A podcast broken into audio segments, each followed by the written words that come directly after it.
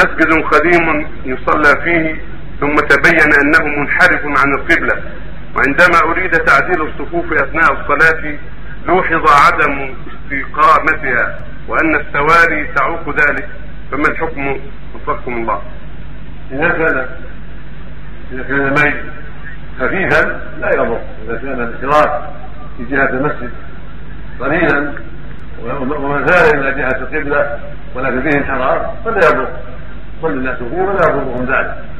أما إذا كان انحرافه كثيرا فإن انحرف عن الجهه انحرافا شديدا فيعدل من جهة البناء أو من جهة الصفوف أما انحراف اليسير فلا يعفى عنه ولا يضر.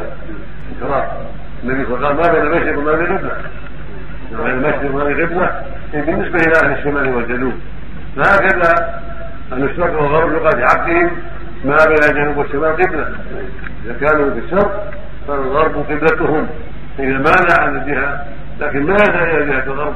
لكن يميل عنها جنوبا شرقا وغربا يميل عنها جنوبا أو شمالا فلا يضر أما إذا كان الميل شديدا يعني بحيث يكون الجهه الاخرى اقرب فان هذا يضر بالصلاه ويجب تعديل الصفوف أو تعمير المسجد وإنشاؤه من جديد.